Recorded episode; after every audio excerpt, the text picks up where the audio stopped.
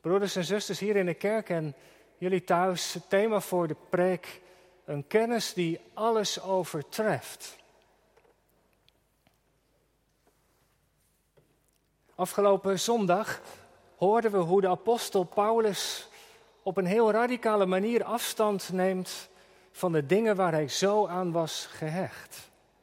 Zijn verleden, zijn afkomst, zijn opleiding, zijn privileges, zijn opvattingen, zijn status.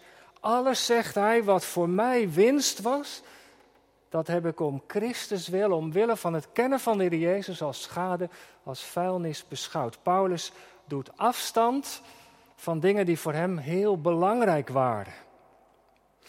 En dat is best nogal een stap. Dat kunnen we ons denk ik wel voorstellen. Dingen die je hebben gevormd, die je met je meedraagt, die je hebt bereikt, dat je daar dan afstand van doet. Afstand doen van iets dat belangrijk voor je is, is niet eenvoudig. Dat weten we denk ik allemaal wel. Kijk alleen al maar naar de spullen die je hebt. Naarmate je ergens langer woont, ik weet niet hoe dat bij u is, bij jou. De huiskamer, je kamer komt steeds voller te staan. Er komen eerder spullen bij dan dat er spullen afgaat, tenzij je gaat verhuizen naar een kleiner huis. Maar in de regel wordt het huis voller. Dingen die je bewaart. Waarom doe je dat eigenlijk? Het speelgoed van je kinderen die nu al lang groot zijn. Ansichtkaarten, mailtjes, kleding, andere dingen van vakantie, foto's. Waarom bewaren we dat eigenlijk? Nou ja, omdat het emotionele waarde heeft natuurlijk. Je wordt herinnerd aan iets wat goed, mooi was of misschien ook wel verdrietig omdat het je later nog van pas kan komen. Je bewaart dingen omdat je er veel geld voor hebt moeten geven. Dingen om bewaar je om niet te vergeten. Je moet maar eens op internet kijken onder de vraag: waarom kan ik zo moeilijk afstand doen van dingen? Blijkbaar is dat voor ons mensen niet eenvoudig. Heel wat psychologen hebben daar hun licht over laten schijnen. Maar goed, spullen, dat is dan nog tot daar aan toe. Moeilijker wordt het natuurlijk als je afstand moet nemen van iets zoals je werk. Als je door gezondheidsreden niet meer kunt werken, als je dingen niet meer kunt doen omdat het fysiek niet meer gaat. Je hoofd wil nog wel, maar je lichaam ziet niet meer mee. Die staat het niet toe. Helemaal moeilijk als je afstand moet doen van een geliefde. Dat verdriet is met geen pen te beschrijven. En vanmorgen gaat het niet over dat laatste. Over verdriet, over de pijn van het gemis. Dat, dat overkom je.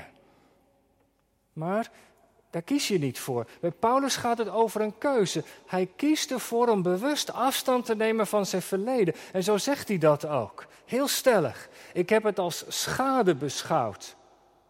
Echt over nagedacht. En nog steeds, ik beschouw het als vuilnis. Een keuze met blijvende gevolgen. Waar hij zich op kon beroemen, waar hij goed in was, waarin hij uitblonk, zijn trots en eer was dat, daar doet hij afstand van. Dat is nogal een stap als je daarover nadenkt. En die verandering, die is gekomen door de ontmoeting ja, met de Heer Jezus zelf. Op weg naar Damascus, handelingen 9, die ontmoeting, heeft alles veranderd. Paulus' ogen zijn opengegaan en ineens kijkt hij terug naar zijn leven, om zo te zeggen, met de ogen van zijn heiland. En wat zag hij toen? Hij zegt het zelf, blinde ijver zonder verstand. Vrome en tomeloze ambitie. Maar zijn afkomst en zijn inzet, zijn ijver, brachten hem niet dichter bij God, bij Christus. Integendeel. En dat was de ontdekking van zijn leven. Toen het erop aankwam, toen hij daar oog in oog met Christus stond, op die weg, is dat gebeurd. Die pijnlijke ervaring. Paulus is op de grond gevallen van zijn rijdier. Jij bent het die mij vervolgt. En tegelijkertijd Daar op de grond was er ook de hand van de Heer Jezus. Paulus, in die kritische stem zat ook zoveel genade. Paulus ontvangt vergeving, hij wordt in dienst genomen en zijn leven krijgt een heel andere koers. De geest komt in hem wonen en de schellen vallen van zijn ogen. En nu ziet hij zijn leven met de ogen van zijn hart. Hij ziet wie Jezus werkelijk is. Hij is de beloofde redder. De genadige heiland van een vervolger wordt hij een volgeling. Wat een verandering over hoe God mensen verandert. En na die ontmoeting zien we bij de apostelen toenemend verlangen. Opdat ik Hem, Jezus, mag kennen. Want de kennis van Jezus, van wie Hij is, overtreft werkelijk alles. Kijk, en, en dat is tevens ook het geheim. Wanneer wordt het makkelijker om afstand te doen van dingen? Als er iets anders is waarbij al dat andere verblijkt. Dat is het geheim. Als er iets is dat je hart meer in beslag neemt. Als er iets tegenover staat wat mooier, beter en schoner is, kostbaarder. Ja, dan kun je dingen beter loslaten. En zo gaat het bijvoorbeeld ook, dat hebben sommigen van ons ook ervaren. Als je naar het buitenland, als je voor de zending weggaat, vaak een offer. Je moet loslaten wat vertrouwd is. Spullen voor een deel, je familie, allerlei dingen waar je niet meer bij bent. Maar er is iets anders. Een verlangen, een roeping, een stem die je hebt gehoord. En dat helpt je in het loslaten. Er is iets anders wat de doorslag geeft. Als er iets is dat je meer gevangen houdt, dan verbleken alle andere dingen. Als de zon in je leven helderder gaat schijnen, verdwijnen al de andere dingen naar de achtergrond. En dat is Paulus overkomen in die ontmoeting daar naar Damascus. Opdat ik Hem mag kennen. Want de kennis van Jezus overtreft alles. Mijn carrière, mijn afkomst, mijn verleden, dat haalt het lange na niet bij wie Hij is. En gemeentebroeders en zusters, de viering van het heilige avondmaal is ook zo'n moment. Althans bedoeld als zo'n moment te zijn.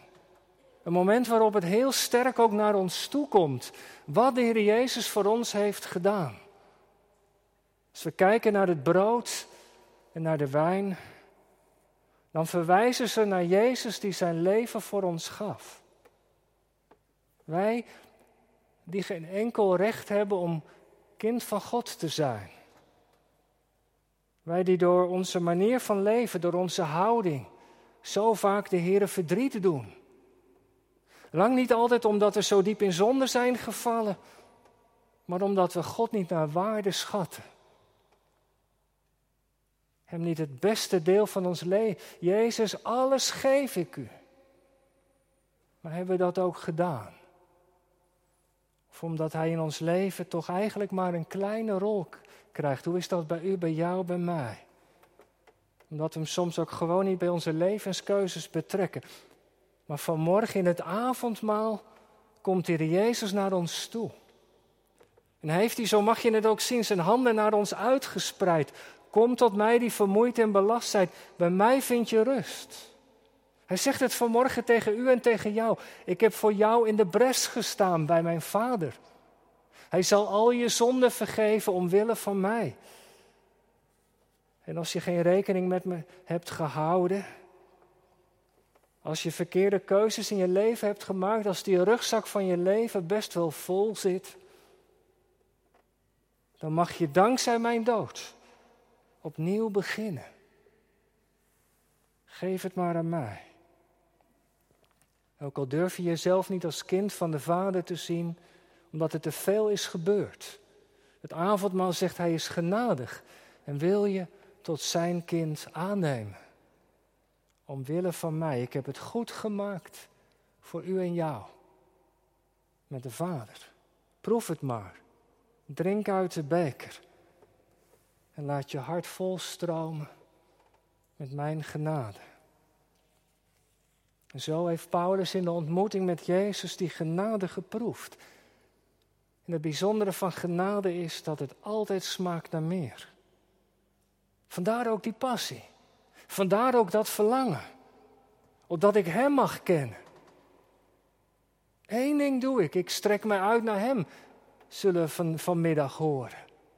Vandaar die passie. In allerlei termen geeft hij daar in hoofdstuk 3 uitdrukking aan. Ik wil Christus winnen. Hem kennen, gelijkvormig worden aan Hem. En wat zit daar dan achter? Nou dit.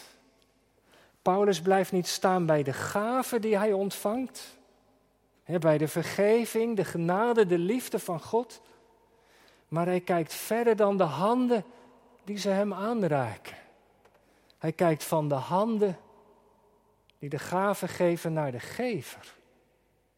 Hij wil de persoon achter die gave beter leren kennen. En dat is het, en dat is de uitnodiging die hij de Filippenzen daar in dit hoofdstuk doet. Kijk van de gave naar de gever. Jezus in hem, zegt de apostel elders, is, zijn al de schatten van Gods wijsheid en kennis te vinden. Jezus is die parel, die diamant van grote waarde. En er zijn zoveel facetten aan zijn persoon dat je een eeuwigheid nodig hebt om hem beter te leren kennen. En Paulus heeft er iets van geproefd. En het smaakt, om zo te zeggen, naar meer. En hij wil de gemeente van Filippi en hij wil ons vanmorgen en u die thuis meekijkt, daarin meenemen. En hoe kun je nou groeien in die kennis? Ik las bij de Engelse auteur dit. Wil je groeien in de kennis van de Heer Jezus? Drie dingen noemde hij. Watch his actions, listen to his words, observe his character. Kijk naar zijn daden, lees erover. Luister naar zijn woorden en onderwijs. Bestudeer zijn karakter. Dan zal Gods geest hem in je hart, in je hoofd, steeds mooier, steeds groter voor je maken. Hij zal wassen, groeien. En ik zal minder worden, kleiner en afhankelijk. Afhankelijker. Gemeente, laten wij dankbaar zijn voor de gave die Christus ons geeft. Voor de vergeving, de verzoening. Die we uit Zijn hand mogen ontvangen. De vernieuwing, belofte van vernieuwing door Zijn geest. Maar laten wij ons vanmorgen vooral richten op de gever van de gave. Op Christus, onze heiland. Opdat ik Hem kenne. Opdat ik steeds meer in Zijn spoor ga. Is dat makkelijk? Nee. Paulus zegt het ook, daar hoort lijden bij. Dat is de smalle weggang. Tegenstand, onbegrip. Ja, dat ook. Van vrienden, collega's misschien wel. Maar ook de weerstand van je eigen hart. Het kan zomaar een streep gaan door je dromen en verlangens, omdat God iets anders voor je heeft. Maar daar afstand van doen, zoals we hebben gezongen, dat valt ons, lieve broeders en zusters, toch niet zwaar. Want daartegenover staat de voortreffelijkheid van onze heiland. Er is geen heiland zoals hij, die je nooit laat vallen, die je meer nabij is dan ooit. Een heiland die niets liever je aan zijn hart drukt. Een heiland die voor je in het vuur heeft gestaan. Een heiland die alles overtreft opdat ik Hem kenne. Want de kennis van Hem gaat alles te boven. En ik bid dat we steeds meer gaan zien wie Hij is en wat Hij voor ons heeft gedaan en dat we dat vandaag ook zullen proeven. Van het hoofd naar het hart, tot lof van God. Amen.